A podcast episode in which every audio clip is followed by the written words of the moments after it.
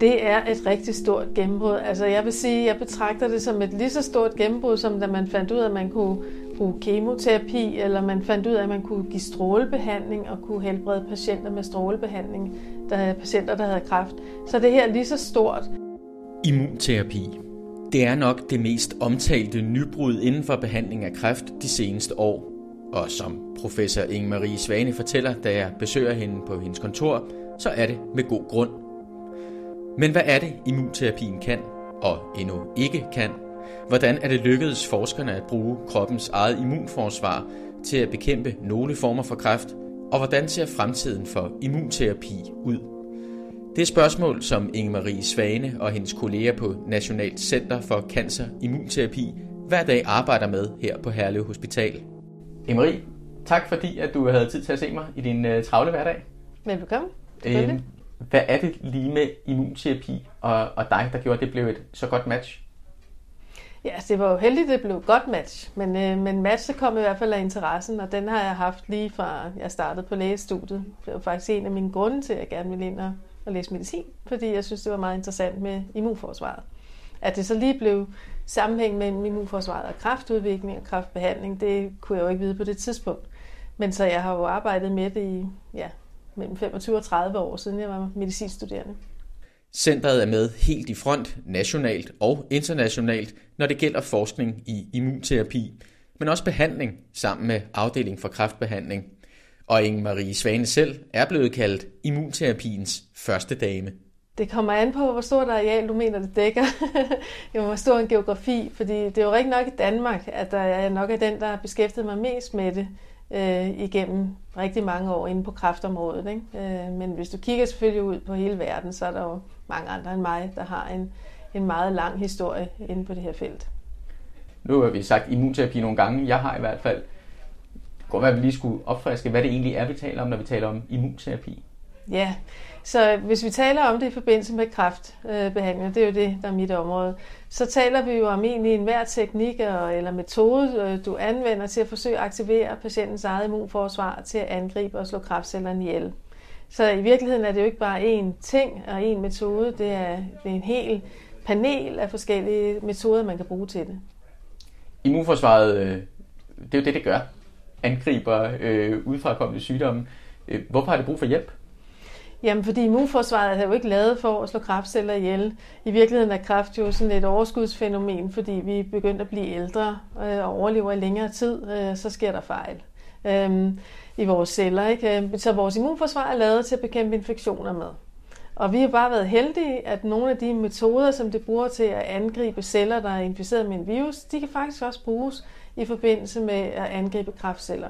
For ligesom virusinficerede celler udtrykker nogle virusproteiner, der er fremmede for kroppen, så udtrykker kræftceller faktisk også kræftproteiner, der er fremmede for kroppen. Og det er i virkeligheden det angrebspunkt, immunsystemet udnytter. Så immunforsvaret har brug for hjælp, fordi øh, kræften ikke på samme måde er noget udefrakommende?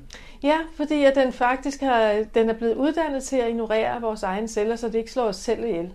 Vores immunforsvar er faktisk så, så kraftfuldt og har så meget potentiale, at det kan slå os ihjel. Det kan vi jo også se i nogle sammenhænge, hvor man laver nogle af de her transplantationer af immunsystemceller fra den ene patient til den anden, og det kan faktisk slå dem ihjel. Øh, så der er en masse mekanismer for at holde det stangen i forhold til os selv, fordi ellers så får vi det, der hedder autoimmun sygdom, altså sygdom, der udvikler sig på baggrund af immunsystemet, generer os selv. Øh, så det er jo enormt potent, men det har også beskyttet øh, også imod, at det genkender vores egne celler. Så der skal ligesom, vi skal have fjernet nogle af de blokeringer. Og det gør I så hvordan? Ja, det gør man så på rigtig mange forskellige måder, men det, der ligesom er gennembruddet, det som de, inden for de sidste 10 år er blevet det, der har bredt sig ud i kraftbehandling, det er faktisk ved at fjerne bremseklodser. Og der findes mange forskellige bremseklodser i vores immunforsvar, og dem kan man pille væk en af gangen, om jeg så må sige. Og det har jo været det, der har vist sig at være utrolig heldigt, hvor man tidligere arbejdede med immunterapi på den måde, man tænkte, nu træder vi på speederen, vi giver en eller anden øh, stof, som aktiverer hele immunforsvaret, og så håber vi på, når vi smider sådan en håndgranat i immunforsvaret, så sker der noget. Ikke?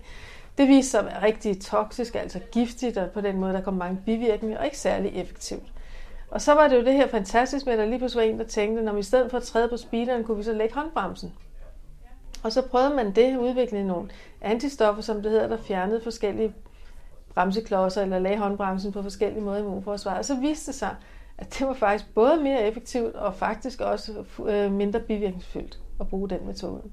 Så det har været lidt held, men selvfølgelig også det, at man blev klogere og klogere på immunforsvaret. Og det, hele den udvikling af forskningen der, den basale sammenhæng mellem immunforsvaret og kræft, øh, det er jo noget, der er foregået sideløbende, og man hele tiden har grebet den nye viden, og så prøvet at flytte den over, så kan vi så bruge den i, i behandlingssammenhæng.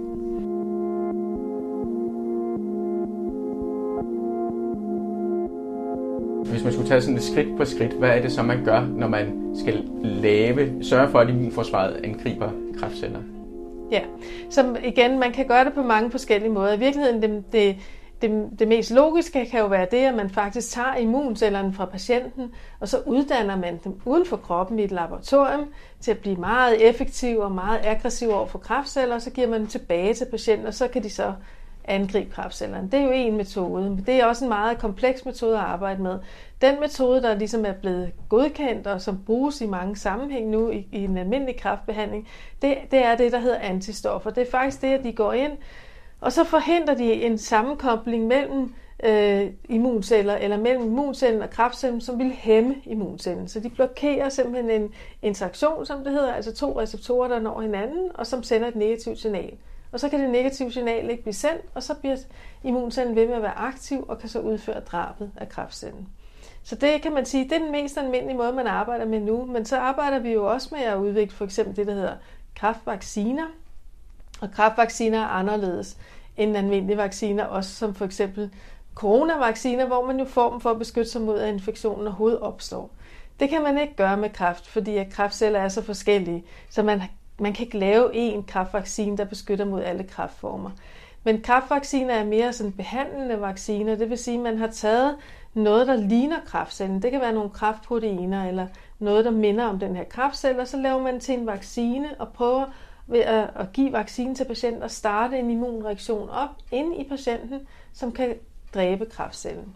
Så på den måde så er det jo mange forskellige mekanismer, man egentlig har i spil, og jo mere man afdækker hvordan samspillet er mellem immunsystemets celler og kræftcellerne. Jo flere forskellige ting kan man jo finde på at bruge og udnytte i immunterapien. Hvor stort et gennembrud er det, at man er begyndt at arbejde på den her måde? Det er et rigtig stort gennembrud. Altså jeg vil sige, jeg betragter det som et lige så stort gennembrud, som da man fandt ud af, at man kunne bruge kemoterapi, eller man fandt ud af, at man kunne give strålebehandling og kunne helbrede patienter med strålebehandling, der er patienter, der havde kræft. Så det her er lige så stort, og det, det udgør jo allerede nu en, en lige så stor søjle inden for behandlingen af kræft, øh, som for eksempel øh, kemoterapi og målrettede behandlinger gør. Øh, så det er et kæmpe gennembrud, og man kan sige, at det der er, er særligt tiltrækkende ved immunterapien, udover at det lyder meget godt, at det er ens eget immunforsvar, der, der udfører arbejdet, ikke?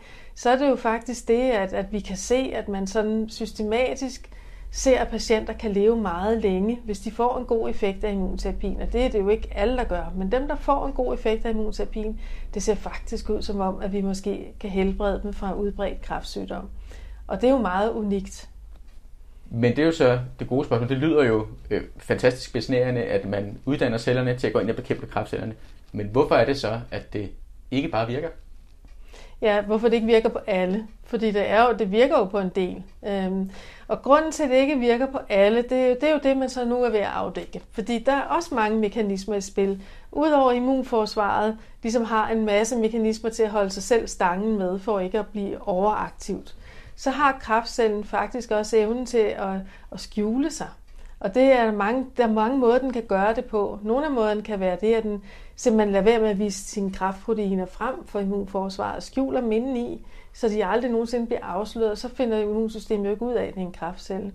Det kan også være, at den udtrykker noget, der hæmmer immuncellen, så når den nærmer sig immuncellen, tænker, at det der, den der celle, den er helt forkert, den vil jeg slå ihjel, så bliver den simpelthen hæmmet og lammet af, at den sender nogle signalstoffer afsted, eller har nogle receptorer på overfladen, der gør, at immuncellen ikke kan udføre arbejdet. Så den har desværre rigtig mange måder at undslippe på. Og man, jeg for, man forestiller sig jo også, det at man overhovedet får kraft, det er jo fordi, at den er undsluppet. Altså situationen er rigtig dårlig, når vi starter op, fordi når kraften er til stede, så er det jo fordi immunforsvaret ikke har kunne se den. Og det er jo det, der gør øh, det nødvendigt, at vi giver immunsystemet noget hjælp med vores immunterapier. det er jo også øh, indtil videre nogle kræftsygdomme, som man bruger immunterapi, og andre ikke. Hvad er forklaringen på det? Ja, altså det er jo meget gode spørgsmål, du stiller, men det vi har jo ikke svaret på dem alle sammen. Man har blandt andet fundet ud af, at noget af det, der har sammenhæng med, om en kraftform kan have gavn af immunterapi eller ej, det kan være det der med, hvor mange genfejl, der opstår i en kraftcelle. En kraftcelle opstår på baggrund af, at der sker fejl i vores gener. Øhm, men nogle af de her genfejl, der opstår, de, de betyder faktisk, at der bliver kodet for nogle forkerte proteiner, og det er det, vi kalder kraftproteiner. Så jo flere genfejl, der er til stede i en kraftcelle, jo større sandsynlighed er det for, at den kommer til at afsløre sig selv som værende en kraftcelle, fordi den laver kraftproteiner. Så det kan være, kan man sige, en af årsagerne til, at en kraftform har, øh, er mere effektiv til at blive slået ihjel af immunsystemet end en anden. Men det kan også være hele måden, hele det her miljø omkring selve kræftsvulsten er opbygget på. Man har fundet ud af, at der er i nogle kræftformer, så er der meget immunsystem til stede allerede fra starten af. Så er der noget at arbejde med. Så er der andre kræftformer, hvor man, når man kigger på det i mikroskop, så er der faktisk kun kræftceller, og så måske lidt bindevæv, men næsten ingen immunceller. Og så er det rigtig svært at få dem trukket til immuncellerne. Så der kan være rigtig mange faktorer, der gør forskellen på den ene kræftform og den anden kræftform, om de har effekt af immunterapi eller ej. Er der også forskel fra patient til patient selv med den samme kræftform? Ja, det er der nemlig også, fordi inden for hver kræftform, så kan der også for eksempel være forskel på, hvor mange genfejl er der i dine kræftceller, og hvor følsom er man. Hvis man taber det, der hedder ens vævstypemolekyler, det er nemlig det, der, der afslører alting, hvad der er inde i cellen til immunforsvaret ude på overfladen. Der er mange kræftceller, der har tendens til at tabe de her vævstypemolekyler, som vi jo også bare bruger til at afsløre, hvis man har virus inde i cellen øhm, så kan den ikke længere afsløre sig selv over for immunforsvaret. Og det er meget individuelt, om en kraftcelle har den tendens eller ej. Så ligesom med alt andet, så har man ikke fundet øh, løsningen indtil videre på at, at bekæmpe kræft, heller ikke med immunterapi. Man har ikke fundet den løsning, der passer til alle. Man har fundet en løsning, som passer til en hel del af vores patienter, men inden for nogle kræftformer, så er det måske kun 10% af patienterne, der har effekt af immunterapien, og inden for andre kræftformer kan det være op på 60%. Øh, og så mangler man jo resten, og det er jo det, man arbejder med. Det kan være, at det er nogle andre bremseklodser, man skal finde og fjerne, og det kan være, at man skal angribe på en helt anden måde. Og det kan også være, at der bare er nogle kræftformer, der har mere effekt af at få kemoterapi end immunterapi. Ikke? Så det er igen, den brede palette vil fortsat øh, skulle være i brug, når man bekæmper kræft. Det er ikke kun immunterapi. Nej, det mener jeg helt sikkert. Det ser man jo også som for eksempel ved, ved lungekræft, at man kombinerer dem. Så får patienterne, nogle patienter har brug for både få kemoterapi og immunterapi, og måske ovenkøbe også strålebehandling, før det bliver mest effektivt. Øh, så man kan sagtens øh, kombinere tingene.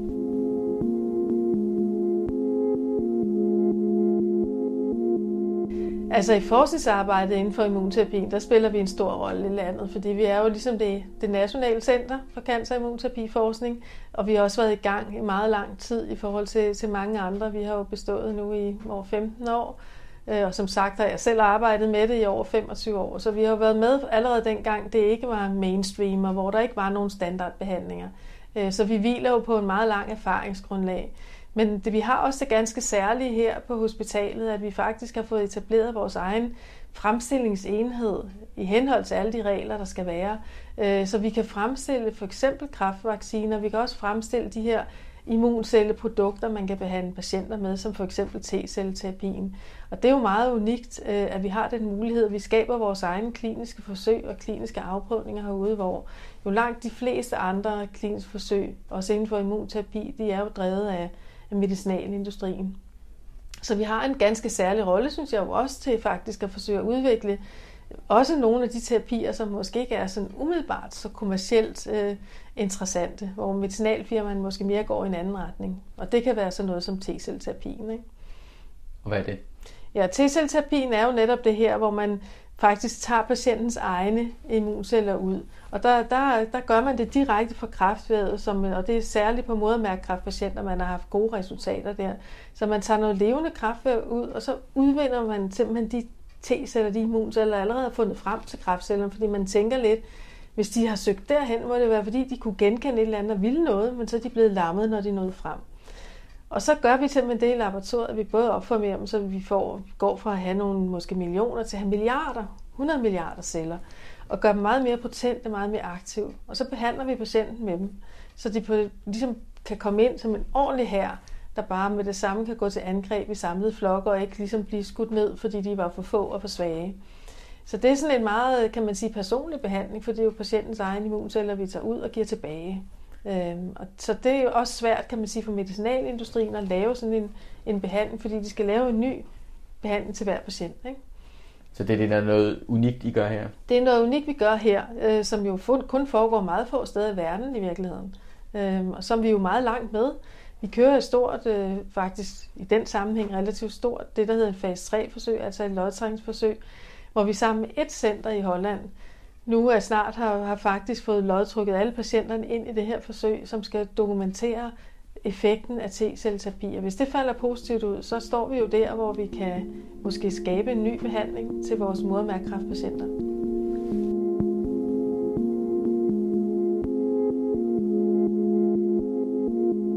Når du kigger tilbage på den udvikling, der har været, kan man se, at der er sket noget, og går det fortsat den vej? Ja, man kan se, at der er sket rigtig meget. Især inden for de sidste 10 år at det jo gået vir- virkelig hurtigt, fordi medicinalindustrien er kommet på banen. Øh, så der sker ligesom to ting.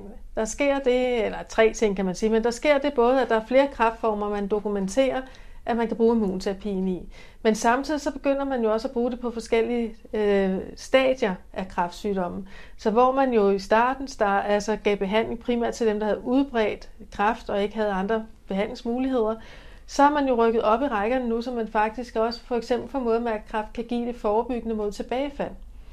Øh, og det åbner jo op for en helt anden, kan man sige, for det første mange flere patienter, der skal have behandling på et meget tidligere stadie. Og det næste, man jo så gør nu, det er at kigge på, om man måske skal, skal bruge det, inden man overhovedet øh, bruger kirurgien. Ikke også? Så man, og det er det, der hedder neoadverende, altså der, hvor man helt inden foran, at patienten bliver opereret, så går ind og giver noget immunterapi for simpelthen med det samme at forsøge at beskytte det mod, at kræftsygdommen bliver mere udbredt. Så man kan sige, at det bevæger sig i mange retninger. Ikke? Der kommer flere forskellige immunterapier til flere kræftformer og på forskellige stadier. Er det så på relativt kort sigt, du ser det her, eller ske? Eller det, skal det, vi... det sker allerede nu. Altså, der, altså vil sige, nu kan man måske godt sige, lige nu er der måske en lidt stille fase, men det har jo været sådan de sidste 10 år. Der næsten ikke gik en måned, uden der kom en ny godkendelse på en eller anden ny måde, man kunne bruge immunterapien på, så det kan jo nærmest ikke gå hurtigere. Det, der er sket nu, er, at det er, det er ligesom to angrebspunkter.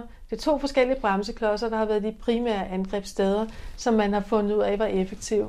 Og nu er der måske, kan man sige, nu hviler man lidt på det, og nu mangler vi så et gennembrud til at finde det næste sted, vi kan angribe. Ikke? Øh, og det har, lad, det har måske ladt lidt længere vente på sig, end jeg havde regnet med. Jeg troede måske nok lidt mere, at man begyndte at plukke æbler på det her træ, og så, så kom de bare en af gangen.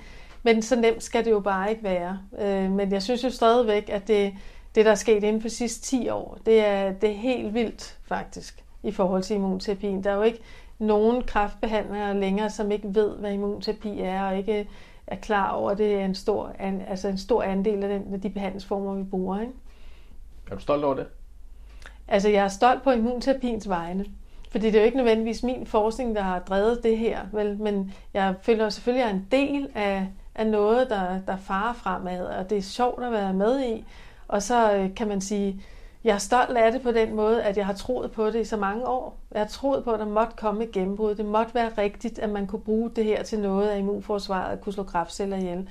Så derfor så, så er det jo også lidt en, kan man sige, bevis for, at jeg var ikke helt galt afmasseret, da jeg valgte det som mit emne. Så hvad man kigger længere ud i fremtiden? Er der, er der nye, helt nye veje, man skal kigge med immunterapi, eller skal vi kigge, nu har vi immunterapi, vi har stråleterapi, der er kniv, der er kemo, der er alle mulige angrebsmetoder.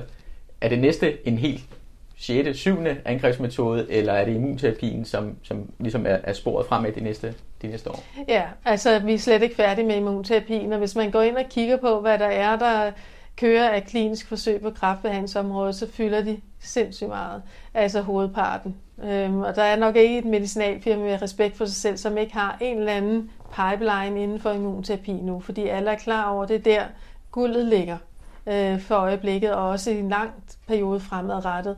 Fordi der er mange ting, der stadigvæk er uafklaret, øh, og mange muligheder, man endnu ikke har, har afdækket. Blandt andet inden for celleterapierne, man er begyndt at genetisk øh, modificere immuncellerne, skyde gener ind i dem, som gør, at de bliver mere målrettet, mere potente, øh, mere i stand til simpelthen at udføre det her drab af kræftcellerne. Og du kan jo manipulere immunceller på tusind måder.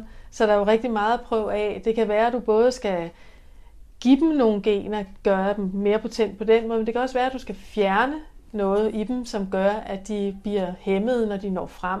Så du kan jo både skrue op og ned på en masse knapper. Så det ved jeg, at det, det er der meget af, af forskningen, der er interesseret i lige nu, hvordan man kan udnytte det, at vi kan manipulere med, Øh, med, patienters immunceller på en meget mere målrettet måde, end vi nogensinde har kunnet. Og så er der alle kombinationsmulighederne, som jo gør, at, at man jo hele tiden kan prøve at sætte forskellige behandlinger sammen. Strålebehandling og immunterapi er et område, hvor vi endnu slet ikke har fået afdækket potentialet. For eksempel hud-halskræftpatienter, der efter en operation jo øh, skal have strålebehandling for også at nedsætte risiko for tilbagefald, at give immunterapi sammen med den strålebehandling. Sådan nogle ting skal vi jo have prøvet af at se, hvor meget, hvor meget øger det effekten til sammen. Ikke? Der er masser af arbejde. Masser af arbejde, ja. Og selvom kræft, trods mange behandlingsgennembrud gennem tiden, fortsat fylder meget, så går det fremad, understreger Inge-Marie Svane. Og immunterapi spiller en fremtrædende rolle. Mit ansvarsområde øh, i kræftbehandling er jo modermærkekræft og den medicinsk behandling af dem. Og det har jo været en diagnose, hvis du har fået diagnosen udbredt modermærkekræft, har jo næsten været den værste diagnose, du har kunne få. Fordi at overlevelsen var så kort, og der var så lidt behandlingsmuligheder, fordi de faktisk ikke har, altså modermærkekræft er ikke særlig følsom over for, for kemoterapi og strålebehandling, så det var ikke så effektivt. Så det, at det her gennembrud på immunterapien, det har jo flyttet udbredt modermærkekræft til at være den næsten værst tænkelige diagnose, til at være en af de kræftformer, der har den, de bedste behandlingsmuligheder. Vi ser jo, at patienter øh, lever i, ja, de patienter, jeg har haft længst tid fra de fik immunterapi, det er jo over 10 år nu, øh, uden tegn på aktiv sygdom. Og, men det er jo først i det øjeblik, de har levet hele deres liv, uden at få deres kræftsygdom igen, at jeg kan sige, de var helbredt. Ikke? Så vi er, jo, vi, er jo lidt, vi er jo lidt tilbageholdende med at sige, at vi har helbredt dem før vi sådan rigtig med sikkerhed ved det. Og der skal man måske følge patienter i 25-50 år. Men jeg er jo egentlig ikke rigtig i tvivl om, at vi jo har helbredt de patienter med immunterapien. Og det, det der er hele forskellen er, at immunsystemet er i stand til at slå den sidste kraftcelle ihjel. Hvor kemoterapien og strålebehandling, de slår jo celler ihjel, der deler sig. Og det gør det svært for de behandlingsformer at tage de sidste celler med, når de ikke deler sig. Men det kan immunforsvaret. Og der er håb for, at det, der er opnået med modermærkræften, også kan opnås med andre kræftsygdomme? Ja, men det ser vi jo også i nogle andre kræftsygdomme. Men det er helt klart, at modermærkræft er en af dem, som har haft den største gavn af immunterapien. Men for eksempel nyrekræft og også lungekræft, der ser vi jo også øh, de samme eksempler på, at patienter lever meget længe efter de har fået immunterapi.